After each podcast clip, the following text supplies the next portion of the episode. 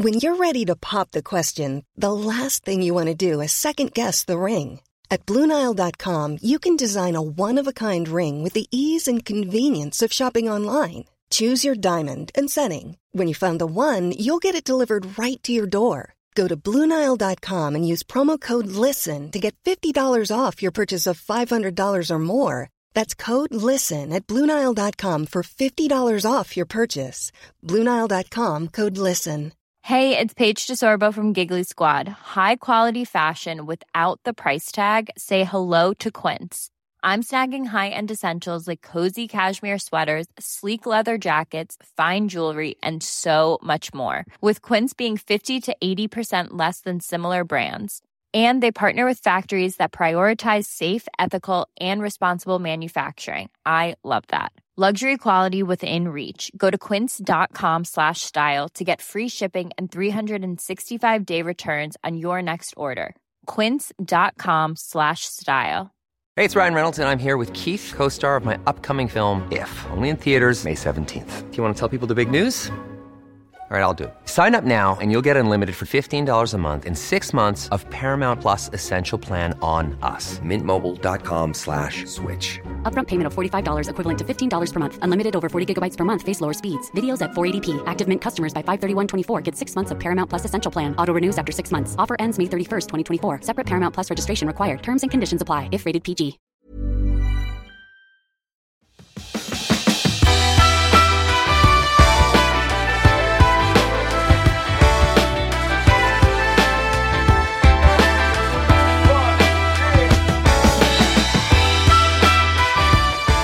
Hej och varmt välkommen till Klimakteriepodden med mig, Åsa Melin.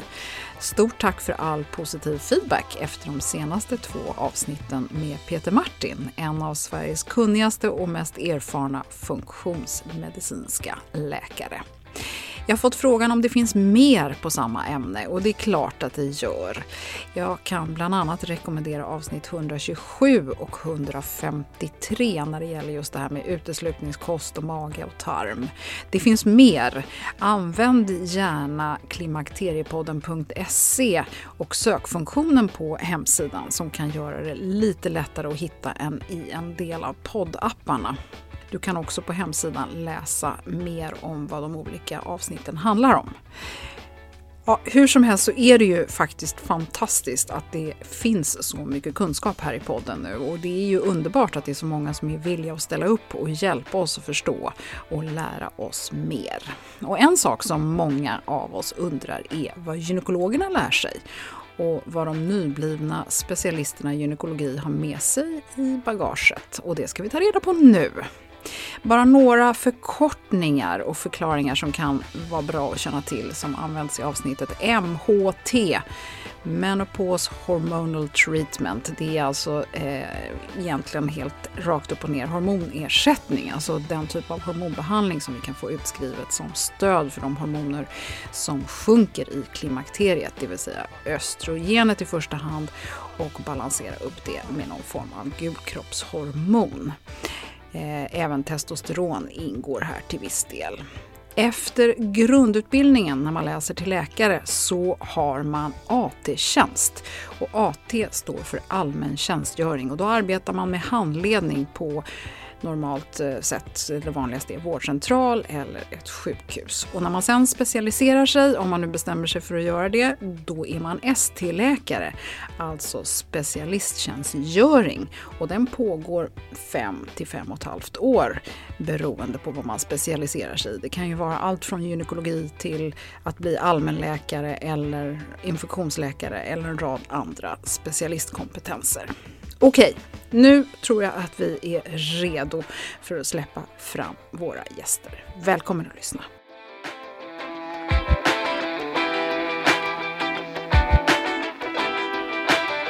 Då vill jag önska Hedvig Engberg och Goldberg Westerlund välkomna till Klimakteriepodden.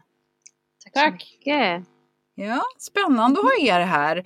Det började egentligen med att jag och många med mig faktiskt förvånas över den dåliga kunskap man möter i vården när det gäller gynekologer och även framförallt då när det gäller klimakteriet och symptom, behandling, bemötande och kunskap kring både aktuella riktlinjer och behandlingsformer. Och då är vi ju fler som tänker att det är de där gamla rävarna som kanske inte arbetar så mycket med just klimakteriepatienter som är dåligt uppdaterade och informerade. Så jag vill alltså ha med någon i Klimakteriepodden som nyligen specialiserat sig som gynekolog, som hör till det här yngre gardet, nästa generation som jag har som stor förhoppning på.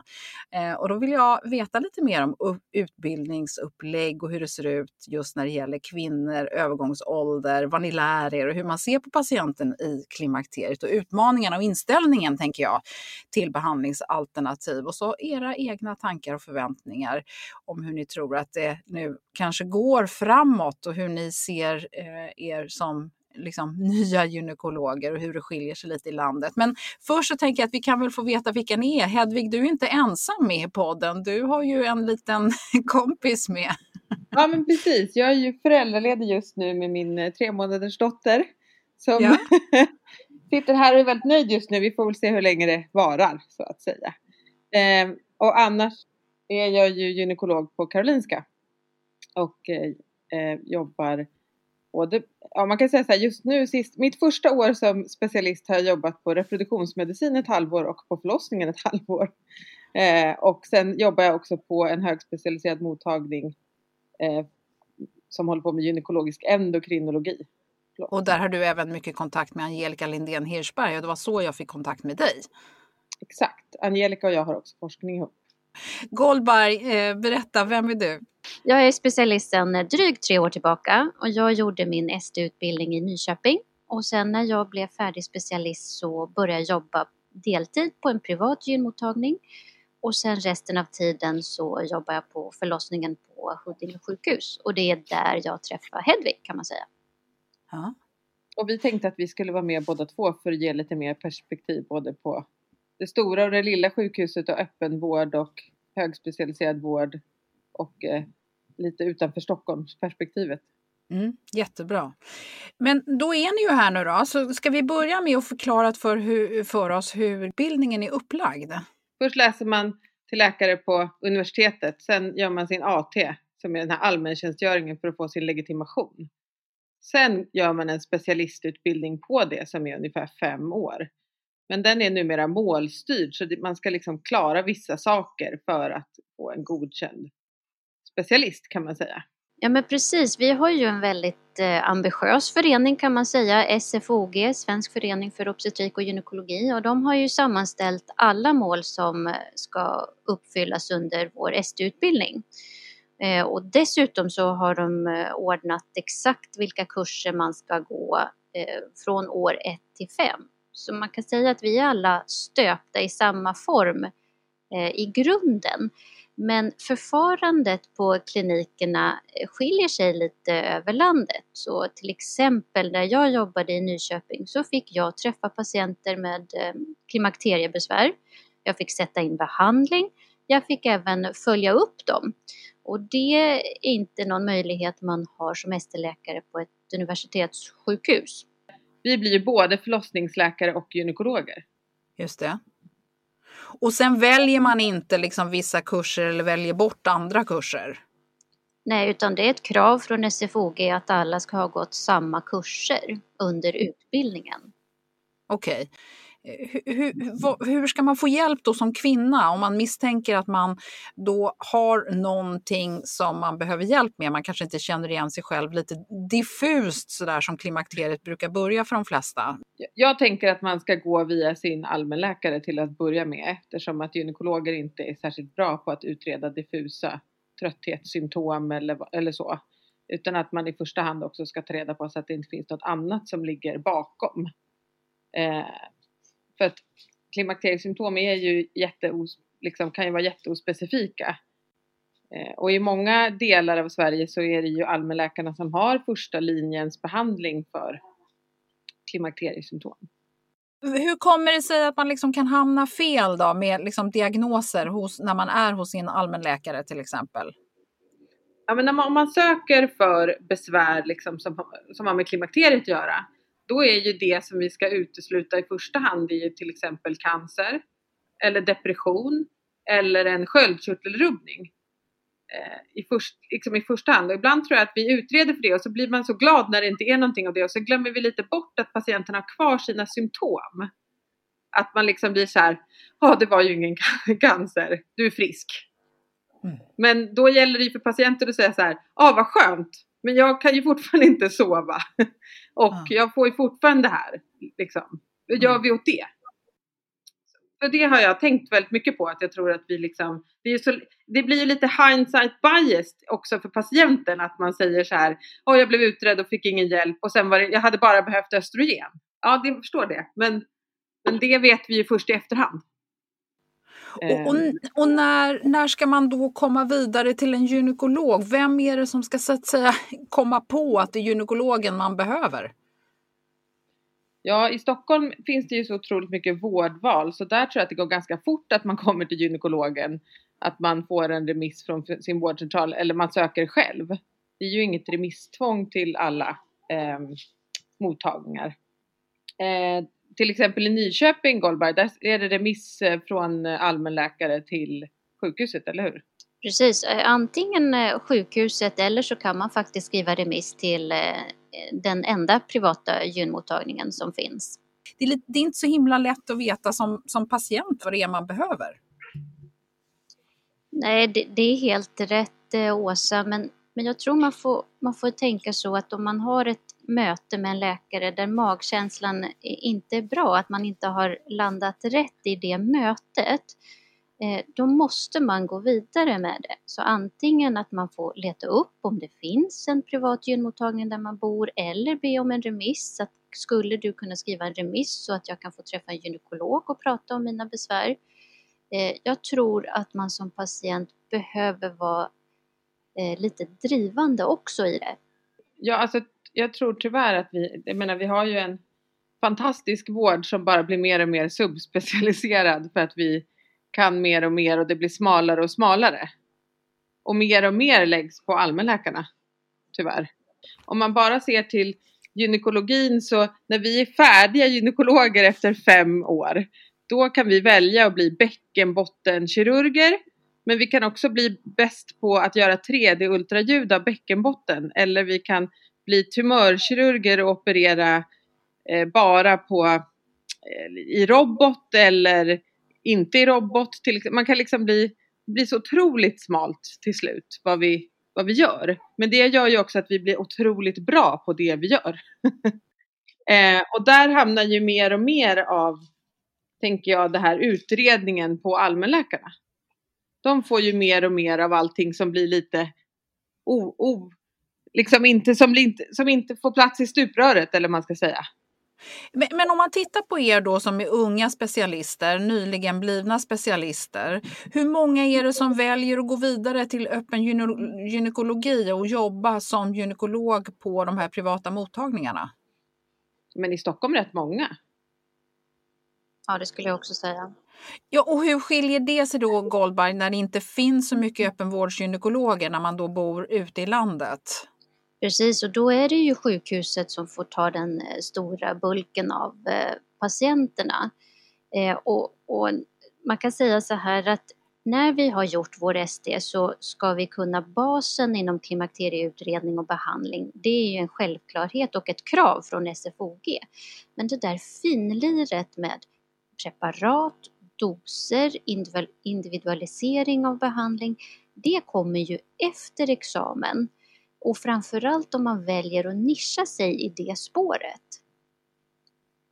Så att du menar att det ändå ligger utanför utbildningen, att det ligger på intresset hos individen? Ja, men på ett sätt kan man eh, faktiskt säga så. För att det är precis som Hedvig sa, att jag kanske väljer och, eh, eh, specialisera mig inom bäckenbottenkirurgi. Ja, då kommer jag inte träffa så många patienter med klimakteriebesvär och då kommer jag på något sätt inte vara uppdaterad om vad det finns för olika behandlingssorter. Nej, och då låter det ju ännu mer som att allmänläkarna faktiskt måste bli superduktiga på det här och jag fattar inte hur de ska kunna ha koll på allt. Det känns ju som de får en, en, en uppgift som är helt övermäktig. Ja men det är precis så Precis det är. så är det. Och det är därför jag tänker att, att man, går till sin, man får gå till sin allmänläkare för att få den här grund, liksom, grundutredningen så att det inte är något annat. För den, den står ju inte vi för på samma sätt. Nej. För det är ju, man vill ju inte ha östrogen för sin can- cancer till exempel om vi ska hårdra det. Nej. Liksom att det är det som gör att man känner sig diffust trött eller gått, liksom, inte känner igen sig. Ehm, men när det, när det väl är klimakteriesymptom då, som i Stockholm, finns det ju vårdvals, många mottagningar som, gärna, som är jätte, jätte, jätteduktiga och som också stöttar allmänläkarna i utbildning och eh, försöker backa upp. För jag tänker i en perfekt värld så är det ju en ganska stor husläkarmottagning eller vårdcentral där alla är liksom duktiga på olika saker och säger, "Jaha, nej men okej, du behöver komma till min kollega so and so och du, eh, dig kan jag behandla men Kalle är mycket duktigare på sköldkörteln och Stina är mycket bättre på med eh, klimakteriebesvär. Förstår ni vad jag menar? Ja, precis. I en perfekt värld. Ja, för man kan säga, för, för i den perfekta världen då skulle både Kalle och Johan och Anna alla jobba samtidigt och helst heltid så att alla patienter har liksom möjlighet att få träffa den som är lite mer specialiserad i sin åkomma.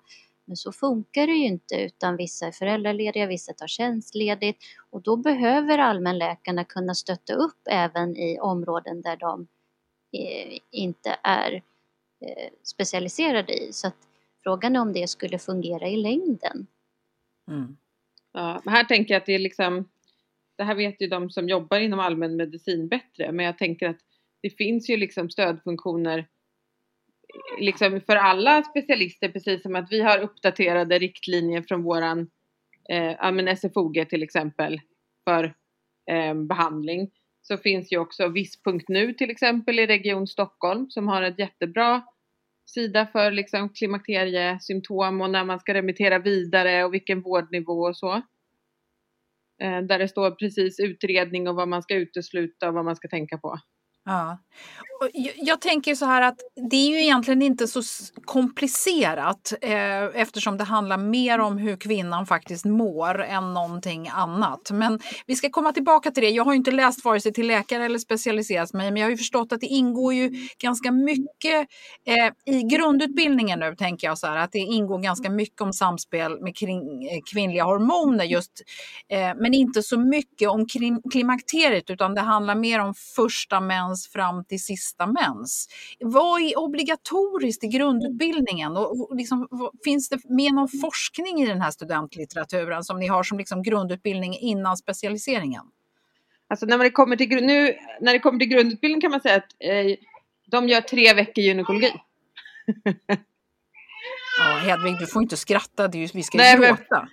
Ja men du förstår, vad, liksom någonstans så måste vi liksom inse vad vi har, vad vi, vad vi, vad vi, liksom, vad vi har att spela med. Liksom.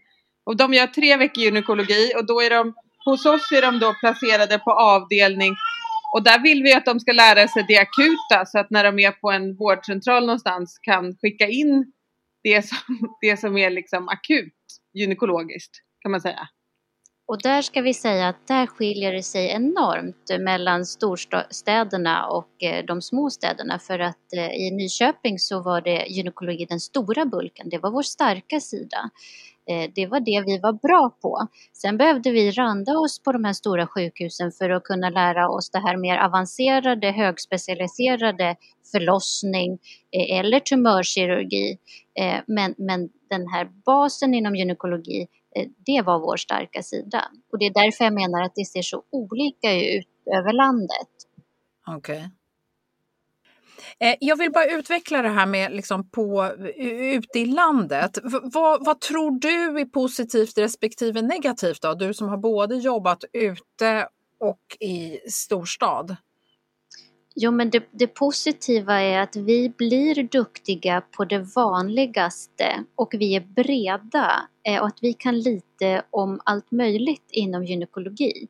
Det som blir då negativt det är att vi kan inte mycket om det specifika symptomet eller syndromet till exempel inom endokrinologi och vad det kan bli för fel. Det, det, är liksom, det, den, det, det går inte att hålla den kompetensen på ett litet sjukhus utan vi kan lite om mycket. Så att det blir lite grann nästan som en en allmänläkare ute på en vårdcentral egentligen. Just det, inom den gynekologiska gebiten, precis så blir det. Ja. Men jag tänker att på ett sjukhus så har man ju ändå ganska mycket närhet till sina kollegor, att det borde vara lätt att kunna diskutera och liksom bara sticka in huvudet i rummet bredvid för det finns tillräckligt många där. Ja, och precis så funkar det. Vi tar ju hjälp av varandra. Eh, och det kan faktiskt vara så att någon på kliniken kan lite extra om just eh, det ena området och så kan den andra om det andra området. Oftast har vi ju delat upp oss lite grann i olika områden.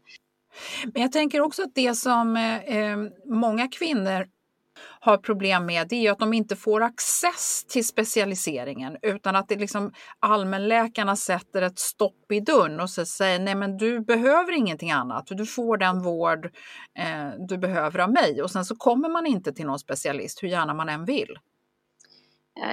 Det är ju såklart jättetråkigt att behöva strida för sin sak och, och jag tror att man kan eh, möta många patienter inom vården som är på eh, stridsvägen eh, liksom, eh, för att de inte har blivit lyssnade på.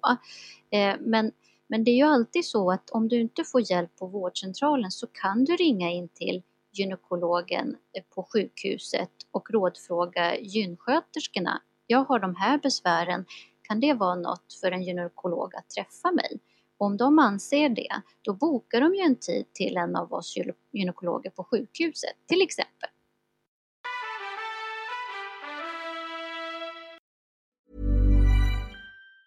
Even on a budget, quality is non-negotiable. That's why Quince is the place to score high-end essentials at 50 to 80% less than similar brands. Get your hands on buttery soft cashmere sweaters from just 60 bucks, Italian leather jackets, and so much more. And the best part about Quince, they exclusively partner with factories committed to safe, ethical, and responsible manufacturing. Elevate your style without the elevated price tag with Quince. Go to quince.com slash upgrade for free shipping and 365-day returns. Imagine the softest sheets you've ever felt. Now imagine them getting even softer over time. That's what you'll feel with Bowl and Branch's organic cotton sheets. In a recent customer survey, 96% replied that Bowl and Branch sheets get softer with every wash. Start getting your best night's sleep in these sheets that get softer and softer for years to come. Try their sheets with a 30-night guarantee. Plus, get 15% off your first order at bowlandbranch.com. Code BUTTERY. Exclusions apply. See site for details. I'm Sandra, and I'm just the professional your small business was looking for. But you didn't hire me because you didn't use LinkedIn jobs. LinkedIn has professionals you can't find anywhere else, including those who aren't actively looking for a new job but might be open to the perfect role, like me. In a given month, over 70% of LinkedIn users don't visit other leading job sites. So if you're not looking on LinkedIn, you'll miss out on great candidates like Sandra. Start hiring professionals like a professional. Post your free job on linkedin.com/people today.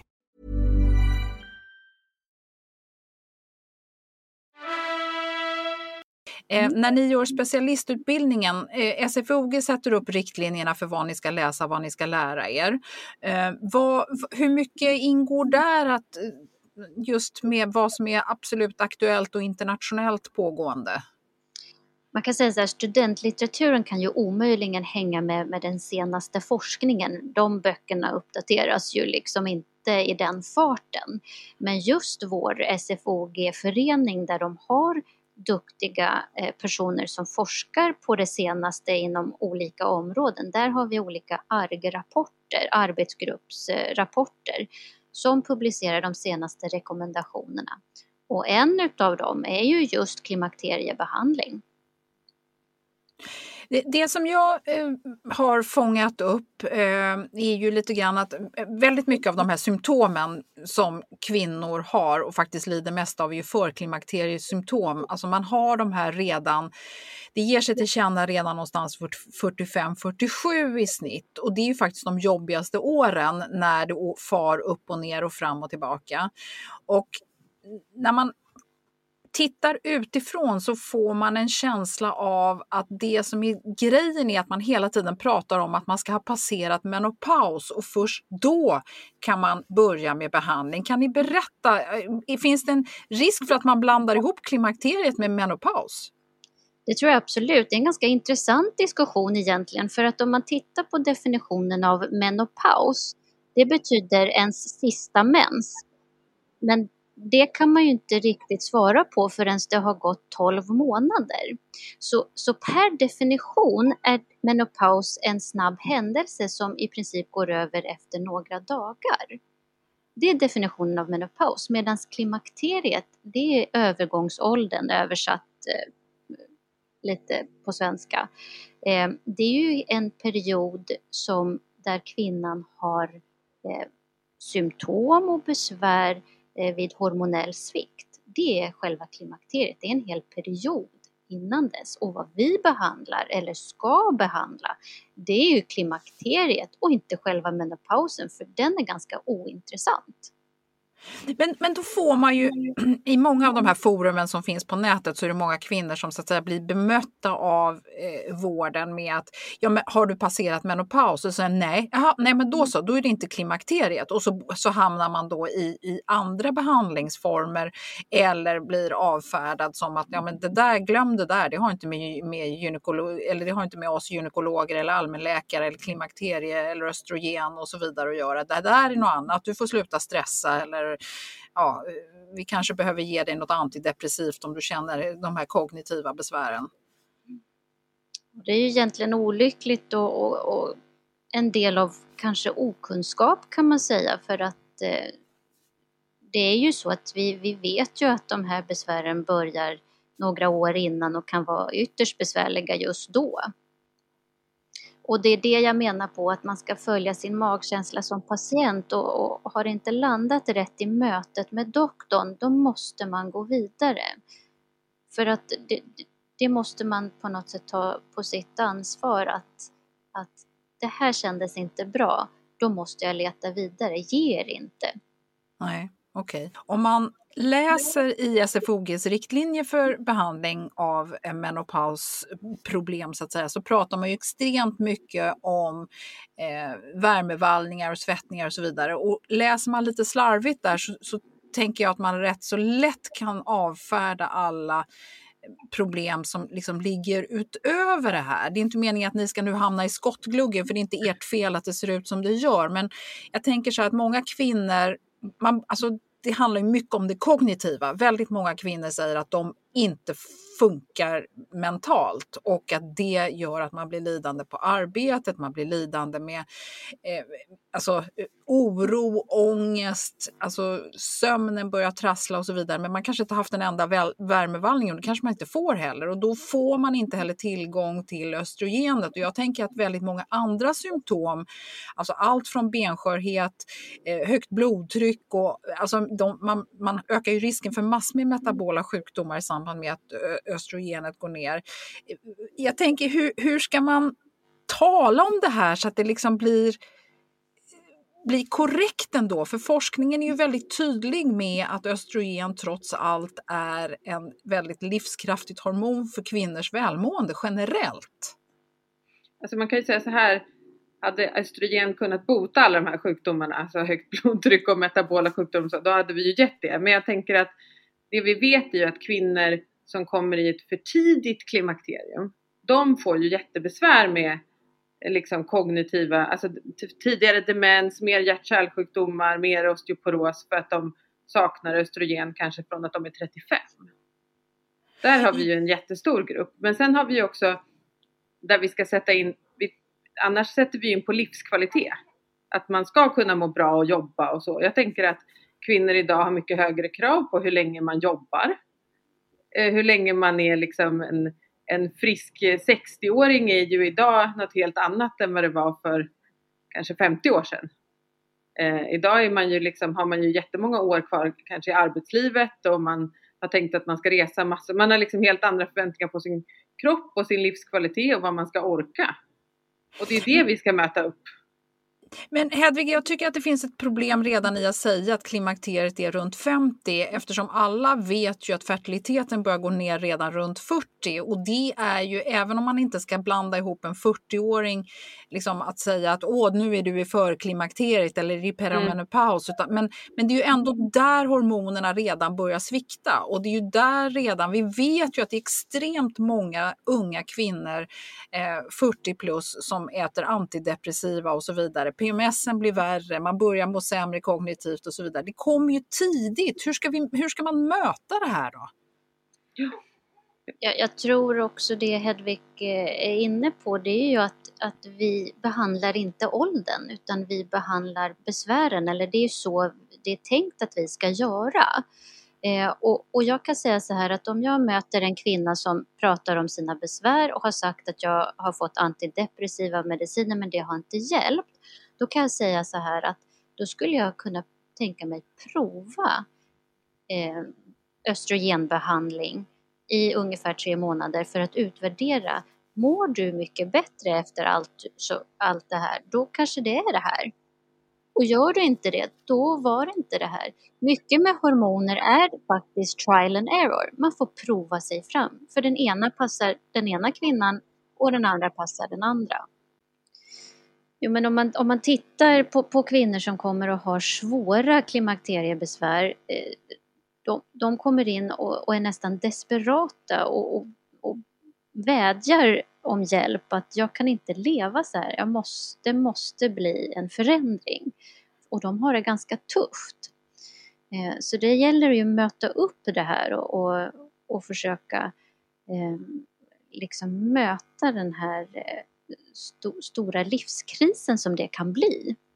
Och jag kan säga så här, efter att jag blev specialist så har jag kommit på att det är förvånansvärt ganska få kvinnor som man inte kan behandla med, med eh, östrogener. Man kanske behöver trixa på sätt att behandla, i vilken form och dos och så vidare. Men det är förvånansvärt få där man säger blankt nej. Och då mm. tänker du ju på kontraindikationer, eller hur Gårdberg? Alltså att, det, att de har någonting som gör att men jag tänker då måste man ju ha lite kunskap om olika preparat och vad de olika gör och hur det liksom, att det, fin, det är ju inte liksom one size fits all. Det finns ju otroligt mycket olika typer av former av östrogen, även om allting är samma kemiska så att säga, sammansättning så är det ju liksom ändå administrationer och olika skillnader som, som kan ge väldigt olika effekter. Precis.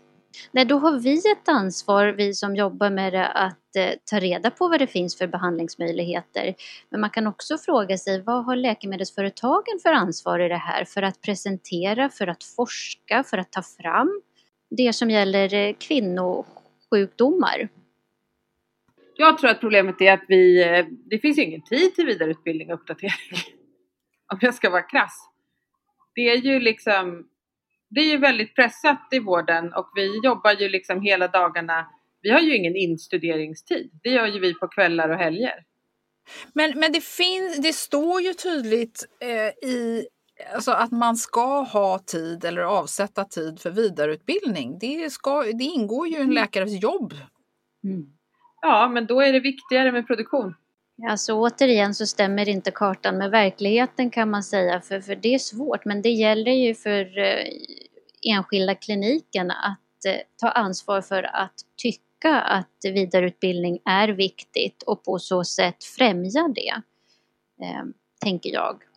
Alltså man kan ju säga att på, på liksom hos oss på, på kliniken så har ju, föreläser vi för varann. Eh, och vi drar fall och så för varandra. Men det är ju eh, en timme på fredagar och sen mm. är det en halvtimme eh, kanske på morgonen. Ah. Eh, men då kan man också komma ihåg att vi är liksom superspecialiserade på massa olika saker. Så det kan vara allt från leversjukdomar hos gravida eh, till den senaste operationstekniken till exempel. Genom mitt arbete med podden har jag ju träffat på några som är extremt intresserade och uppdaterade. Eh, Tord Nässén är ju en av dem till exempel. Han är ju en fantastisk, eh, alltså han är ju helt outtröttlig med sitt forskande och sin, hur han sätter in sig och åker runt i världen på olika kongresser och så vidare. Sen finns det ju en del andra som har jobbat som öppenvårdsgynekologer som också så att verkligen har specialiserat sig som ju är eh, otroligt duktiga på det här. Och de blir ju såna här S som alla kvinnor vill komma till, men de räcker ju inte. Så jag, jag, jag tänker också att de här riktlinjerna från SFOG blir så extremt viktiga. Kan man kräva att alla har läst de här? För det, det är så tydligt med hur man ska behandla där, tänker jag. Jag tänker att man kan kräva att alla vet var de finns och att de kan läsa på när de har en patient. För det är också det där att man kan inte läsa på allt hela tiden om man sitter på en mottagning Ja men som vi till exempel, om vi, ja, när, vi var, när man är specialist hos oss och kanske sitter på gynmottagning och har lite blandat. Då kan man ju ha en kvinna där vi har opererat bort äggstockarna till exempel som behöver MHT. Eller substitution. Och sen så kan man liksom nästa stund ha en kvinna som har ett framfall. och sen har man nästa patient i någon som ska ha preventivmedel för att de har haft proppar eller någonting annat. Så jag tänker att ibland så får man liksom också, måste man uppdatera sig inför den patienten man träffar. Och det är ju vårt ansvar som läkare. Att vara uppdaterade när vi träffar våra patienter. Mm. Och vem ska man som kvinna då, eh, vad, vad, ska man göra om man träffar någon som är uppenbart ouppdaterad? För det finns faktiskt ganska många mm. historier med kvinnor som själva är pålästa och så hamnar de där eh, med en läkare som uppenbart inte ens vet vad som gäller. Ja, då får man ju antingen säga att det finns ju riktlinjer eller så får man hitta någon annan. Jag tror också att det blir svårt att hitta, skapa ett förtroende i den relationen där man känner att det finns, att man kan mer än sin behandlande doktor. Ja. Sen kommer det alltid vara så att vi, jag menar jag träffar patienter som kan sin sjukdom eller sitt, vad det nu är utan och innan och ibland lär mig saker såklart. Det är ju också så, vi är ju bara människor. Vi kan inte kunna allt hela tiden. Och det är där jag tänker att läkar-patientrelationen är ju en relation. Och trivs man inte med den så måste man faktiskt skaffa sig en annan relation till någon annan läkare som man vill gå till. Ja, men jag tror faktiskt att om man har skapat ett förtroende eh, mellan doktor och patienten så tror jag att man kan vara väldigt rak och ärlig med vissa grejer utan att tappa det förtroendet och säga vet du, jag kan, jag inte, kan inte. inte det här men jag lovar att jag ska ta reda på det mm. eh, och återkomma till dig. För det är också ett sätt att visa att jag bryr mig men jag kan inte tillräckligt för att svara på din fråga. Nej. Det kommer ju eh, om och om igen så, så, får vi ju höra hur få kvinnor som ändå behandlas med eh, någon form av eh, hormon behandling under klimakteriet. Mm. Vad, vad, tänker mm. ni om det? För jag tänker att liksom, enligt Socialstyrelsens senaste rapport så är det fortfarande bara 7% av alla kvinnor som tar systemiskt östrogen. På Angelicas tid innan eh, VHI-studien 2002 så var det 25% av kvinnorna, mm. nästan upp till 50% i storstäderna. Och nu mm. är vi fortfarande nere i liksom någonstans runt 7% Vad tänker ni om det? Alltså jag tror att vi befinner oss eh, i ett, lite i ett skifte kan man ju säga på ett sätt. Så här, vi är nog eh, en av de första generationerna som ju inte ens var med på VHI-studien eller då liksom inte ens nästan läste till läkare under den tiden när hela det här östrogenlarmet kom. Eh, men sen tror jag också att man måste komma ihåg att vi, vi möter otroligt många kvinnor som är jättehormonrädda. Mm. Som vill leva ett hormonfritt liv. Det har inte bara med att göra att vi inte tar, liksom, alltså de kvinnorna som söker för att de vill ha hormonbehandling, de får ju oftast det. Men ni ska veta hur många vi också försöker övertala att de ska ha hormonbehandling för sina värmebaldningar och sina sömnbesvär och liksom allt det här andra. Det är mm. otroligt stor rädsla idag för hormoner. Vi har liksom unga kvinnor som ju inte vill ha preventivmedel mm. eh, till exempel och sen har vi då kvinnor som har klimakteriebesvär ganska uttalade och inte vill ha behandling för det heller fast vi har en bra behandling där. Så jag tror att det finns flera faktorer som gör att östrogen, det är inte bara att vi inte förskriver. Nej, men jag tänker så här, de här kvinnorna som är pålästa då, som kräver ja. en viss behandling. Ja. För då tänker jag så här, då kanske man daskar de här SFOGs riktlinjerna i och så, så står mm. det så här att det är med samrådan med patient och man har olika mm. uppfattningar där. Mm. Och så, så finns det ens en, en diskussion bland er att följa eller inte följa? Nej, jag tycker alltså alla som jag har jag gjorde en liten poll här innan jag, efter att jag hade pratat med dig första gången bland mina nyblivna specialistkollegor runt om i landet. Och där tycker ju alla att det är självklart att man ska följa SFOGs riktlinjer. Men, så det tror jag inte är problemet. Jag tror mer att det handlar om att man kanske, om man Även allmänläkare är ju olika duktiga på olika saker. Ja. Och gynekologer också. Det gäller ju att träffa någon gynekolog som är intresserad. För, för, jag, tänk, för jag tänker så här, kan man friskriva sig om, om patienten kräver en viss sak eh, som ändå finns i SFOGs riktlinjer. Vi kan ta till exempel det här med bioidentiskt progesteron. Allt östrogen som föreskrivs i Sverige är ju bioidentiskt, så den är ju en icke-fråga. Men det är ju då, då frågan om gulkroppshormonet om man har livmodern kvar. I SFOGs riktlinjer så finns ju då bioidentiskt progesteron faktiskt med som en, ett behandlingsalternativ. Men här är det ju en enorm mängd med gynekologer gynekologer och allmänläkare som bara kategoriskt säger nej, vi förskriver inte det här. Mm. Alltså man ska komma ihåg att bioidentiskt progesteron det är i Sverige licenspreparat. Eh, och, man kan säga så här, i Frankrike, Frankrike och Tyskland så, så förskriver de det nästan bara. Eh, och, och vad man har sett där eh, och varför kvinnorna eh, har liksom eftersökt det, det är att man eh, har sett att det kan ge mindre humör, humörpåverkan och bättre sömn. Eh, och man har sett en aningen lägre risk för bröstcancer men däremot en ökad risk för livmodercancer. Och man kan säga så här, forskningen är inte entydig där. Och det är det som gör det svårt eh, för enskilda gynekolog att ta ställning till det. Men den enskilda gynekologen ska inte ta ställning för det är patienten i samråd med läkaren och eh, läkaren ska ta SFOGs riktlinjer på allvar. Absolut, men inte ens SFOG har ju sagt entydigt att bioidentiskt progesteron är klart bevisat bättre avseende alla biverkningar. Eh, men vi måste ju också ta ställning till vad, vad i samråd med patienten vad som kan passa och man kan säga så här att man skulle kunna säga så här, kan du tänka dig att vi provar det här och får du biverkan, ja men då ska vi försöka se om vi kan få det här andra. Men det, det, det är ju inte helt lätt att eh, som gynekolog på mottagningen säga att jag tror att det här är det bästa, för det vet vi inte. Nej. Jag tror att de flesta försöker komma överens liksom.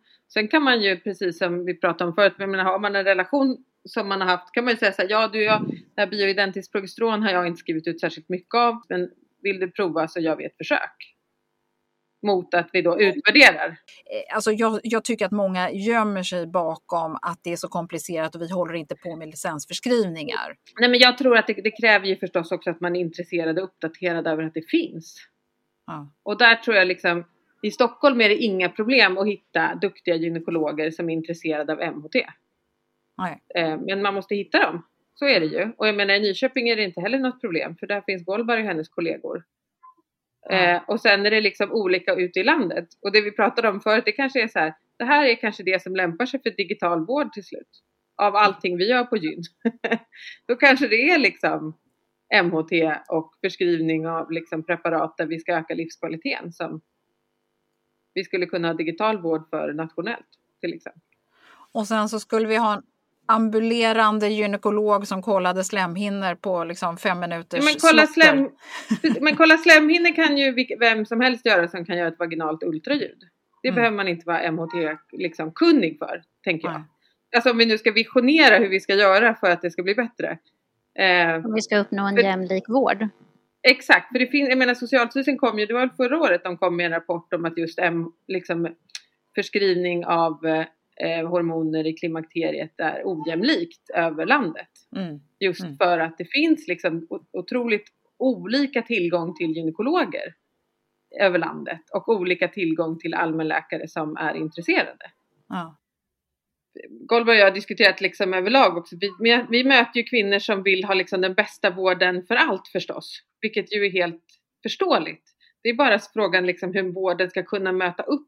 Och där är det ju en utmaning för oss att liksom ligga på topp då för de vi möter. Mm. Och då tänker jag att är man, en, är man gynekolog eh, och har en mottagning och är ensam om den mottagningen i en, i en region, då är det klart att man inte kan vara på topp för allt. Det är ju allt Ja. det där liksom. Och ju mer vi lär oss inom varje område, jag tänker så här, inom neurologi, inom reumatologi, inom allting, desto mer kommer vi vilja lära våra studenter. Men vart är liksom, vart På går en rimlig gränsen? gräns. liksom? Ja. Jag, det kommer, jag tror att det kommer komma där vi pratar om holistisk vård och att vi, vi, liksom ska, vi ska se alla delar av patienten. Men vi är inte där än. Nej, men jag tänker då på den här kvinnan som du möter som ni nästan då försöker övertyga om att ta hormonbehandling som absolut inte vill ha det. Vad säger man till henne? Vad händer? Nej, men det, där försöker jag ju förklara att det är för hjärtat och hjärnan och skelettet som man behöver sitt östrogen. Mm. Ehm, och varför det liksom att, och det, problemet är ju att det är ju inte viktigt här och nu. Vissa av de här kvinnorna har ju inga besvär. Av de kvinnorna som jag kanske har som har fått en, en tidig menopaus då, om vi ska säga att de har, deras mens har försvunnit jättetidigt. Men där vet vi ju att de kommer få jättemycket besvär i längden. Men sen kan vi ju också möta kvinnan som har jättestora sömnbesvär eller sådär. Och där vi, där vi tänker att jo men det här skulle ju MHT hjälpa. Men det är ju samma sak. Jag kan inte, precis som att man som patient inte kan kräva vård kan ju inte jag tvinga på någon vård. Utan man har ju all, all rätt att säga nej. Ja, man har ju trots allt kommit till doktorn för man vill ha hjälp. Ja men det, det är jättemånga som kommer till doktorn och vill ha hjälp men sen, men sen ändå inte vill ha hjälp. Så är det Okej. ju. Alltså ibland vill man ju ha en annan förklaring än vad vi ger också. Mm. Jag tänker mig att ibland behöver saker och ting landa hos människor. att, att, precis. att det inte kan accepteras med en gång, vare sig att Nej. få behandling eller att inte få behandling. Mm. Eh, och, och det är sånt vi möter upp i nästa steg, tänker jag. Jag tänker att det är ju den där eh, patient-läkarrelationen som jag tror att vi alla har varit, blivit läkare för. Eh, Att, att eh, liksom skapa det där att ja, men då hörs vi igen om tre månader och ser hur du tänker. Mm. Och sen hörs man igen efter tre månader och då är det så här, jo men jag ska ändå försöka. Ja. Det har jag ju patienter och sen har de försökt och så blir de jättenöjda till exempel. Och sen har jag patienter som kommer och kanske kräver, jag förskriver en del testosteron till exempel till kvinnor med klimakteriebesvär. Eller framförallt med låg sexuell lust. Och då är det ju vissa som är jättepeppade på det och vissa vill ju verkligen inte prova och ibland provar de tre månader och så händer det, är det ingen skillnad och då sätter vi ut till exempel. Ja, det är ett samspel med patienten vad man, hur man ska Men, göra. men, men det ni beskriver här är ju liksom det, vi, det är ju liksom det enda vi vill. Och, Ja. och ändå verkar det vara så svårt. Jag tror att Ja. om, om det var så här det fungerar som ni beskriver att det egentligen ska fungera, då tror jag inte vi Ja. hade haft något problem. Så, så egentligen så förstår jag inte varför vi har problem. Nej. Nej, men jag tror att det är lite som Golbar var inne på. Det gäller liksom, man, man får tyvärr leta efter sin doktor. I det här liksom landskapet av subspecialisering och eh, liksom, man måste hitta någon som är intresserad och som man trivs med och lita på. Eller som man har en, kan ha en ömsesidig relation med som är bra. Tänker jag. Ja, och jag, vi hade tidigare ett eh, avsnitt här nu med forskaren Lena Rinner som är distriktssköterska och hon, hon Mm. berättade ju om den här nya undersökningen de har gjort och det handlade ju väldigt mycket om att många kvinnor egentligen bara vill ha stöd. De behöver Ja. ett samtalsstöd Mm. Mm. och då behöver man inte ha en gynekolog egentligen utan då räcker det, om jag får säga räcker eh, utan att nedvärdera, med en person som faktiskt är kunnig om hälsovård generellt och Mm. då behöver man inte vara subspecialiserad på någonting. Utan Nej. man behöver vara en medmänniska mer kanske. Och det är väl det där jag tänker att ibland så, så har vi för lite tid i våra möten för att ta reda på att det är just det där som behövs. Det är kanske basen i, i, i hela problemet att, att sjukvården har blivit en produktion. Vad är det vi ska producera egentligen? Det, det är det som kan bli så skevt. Mm. Jo, för det är väl där som vi eh, som brinner för den här klimakterieupprättelsen så att säga, eller att överhuvudtaget ha klimakteriet på bordet, Mm. eh, medvetandet om det. Det betyder inte att alla ska ha en viss typ av behandling, absolut inte, men det gäller att det handlar, om, det handlar om kunskap för att inte senare hamna i en sjukdom eller i en hamna i en utbrändhet på grund av någonting som hade kunnat stävjas. Så att man har en kunskap kring det och vem ska liksom förmedla den här kunskapen. Det är ju det som är lite ledsamt då att den här klimakteriepodden faktiskt fyller så stor funktion för många. Eh, för det skulle inte behöva vara så tänker jag. Men nu, nu är vi där. Eh, eh, Okej, okay, nu försöker vi avsluta det här på, på, på ett positivt sätt. Nej, men jag, jag tror eh, att man utan problem kan träffa intresserade läkare som gärna vill hjälpa en. Men jag tror att i det, i det vårdsystemet vi har idag så får man leta runt lite så att man blir nöjd. Mm. Eh, och, och, där ligger liksom lite ansvaret på patienten och jag tror att ibland det finns jättemånga intresserade allmänläkare som är jätteduktiga. Det finns jättemånga intresserade gynekologer som är jätteduktiga. Det gäller bara att hitta dem. Och där finns det en ojämlikhet över landet. Men man kan också skriva egenvårdsremisser var man än bor. Man får ju välja vård ändå. Jag håller med Hedvig och jag tänker mig också att kunskap är makt som mm. vi ofta säger. Och det gäller åt båda hållen att patienten har kunskap om, om, sin sjuka och tar reda på sina behandlingsalternativ, att doktorn har det och att hon även liksom tar reda på var finns den bästa kunskapen inom vården som jag kan få. Mm. Nöj dig inte med att eh, de, de, inte vet eller kan eller så, utan gå vidare. Mm. Leta vidare. För kunskapen finns, vi behöver bara hitta rätt. Mm. Ja, men det kanske finns hopp ändå, tänker jag. Eh... Ja, det tänker vi med. det tänker vi med. Mm. Ja, härligt. Hedvig Engberg och Goldberg Westerlund, ett stort hjärtligt tack för att ni ville vara med i Klimakteriepodden. Eh, jag eh, tänker att vissa saker har, eh, är vi fortfarande lika förfärade över och andra saker känner vi oss lite tryggare i. Men, men ett stort tack, för det har, jag tror att det är en del som har klarnat för för, för många som lyssnar på det här. Så det är värdefullt att eh, ni ville vara med. Och så får vi tacka Lovisa också för att hon ville vara med och eh, fixa ljudet. Till slut somnade. precis. Ja, precis. Det är vi alla tacksamma för. ja, tusen ja. tack hörni. Tack själv Åsa.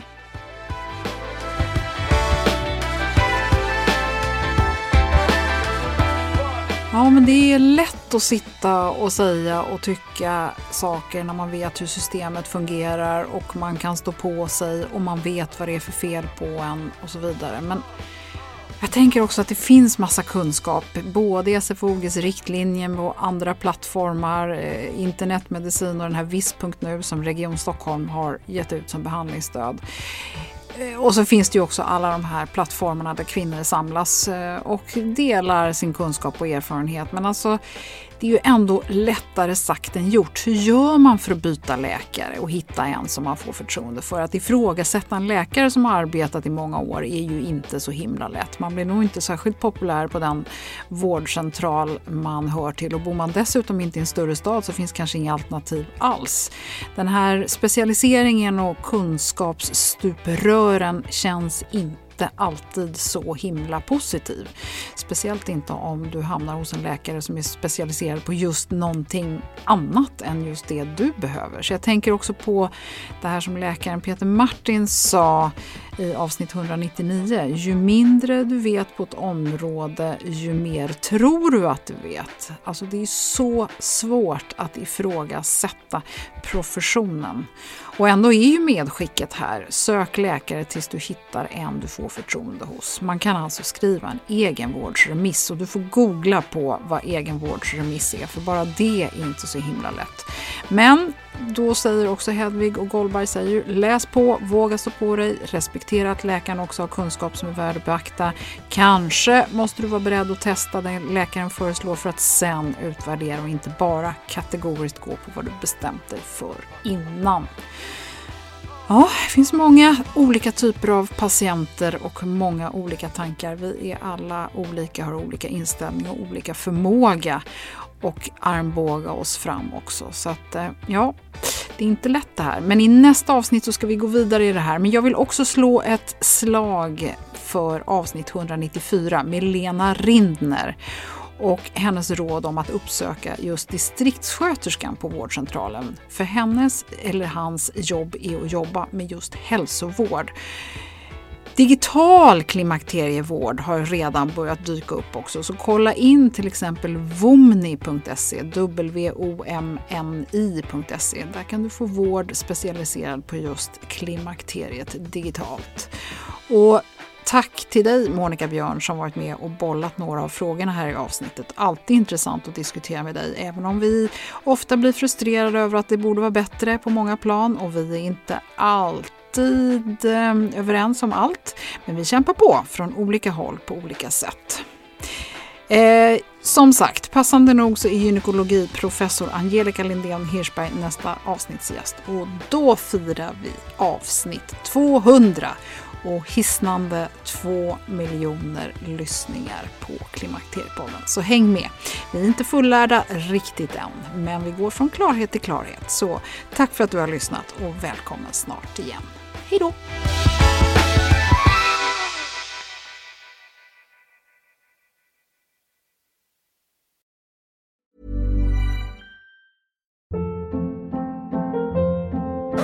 Hold up. What was that? Boring. No flavor. That was as bad as those leftovers you ate all week. Kiki Palmer here, and it's time to say hello to something fresh and guilt-free. Hello Fresh. Jazz up dinner with pecan-crusted chicken or garlic butter shrimp scampi. Now that's music to my mouth. Hello Fresh. Let's get this dinner party started. Discover all the delicious possibilities at hellofresh.com.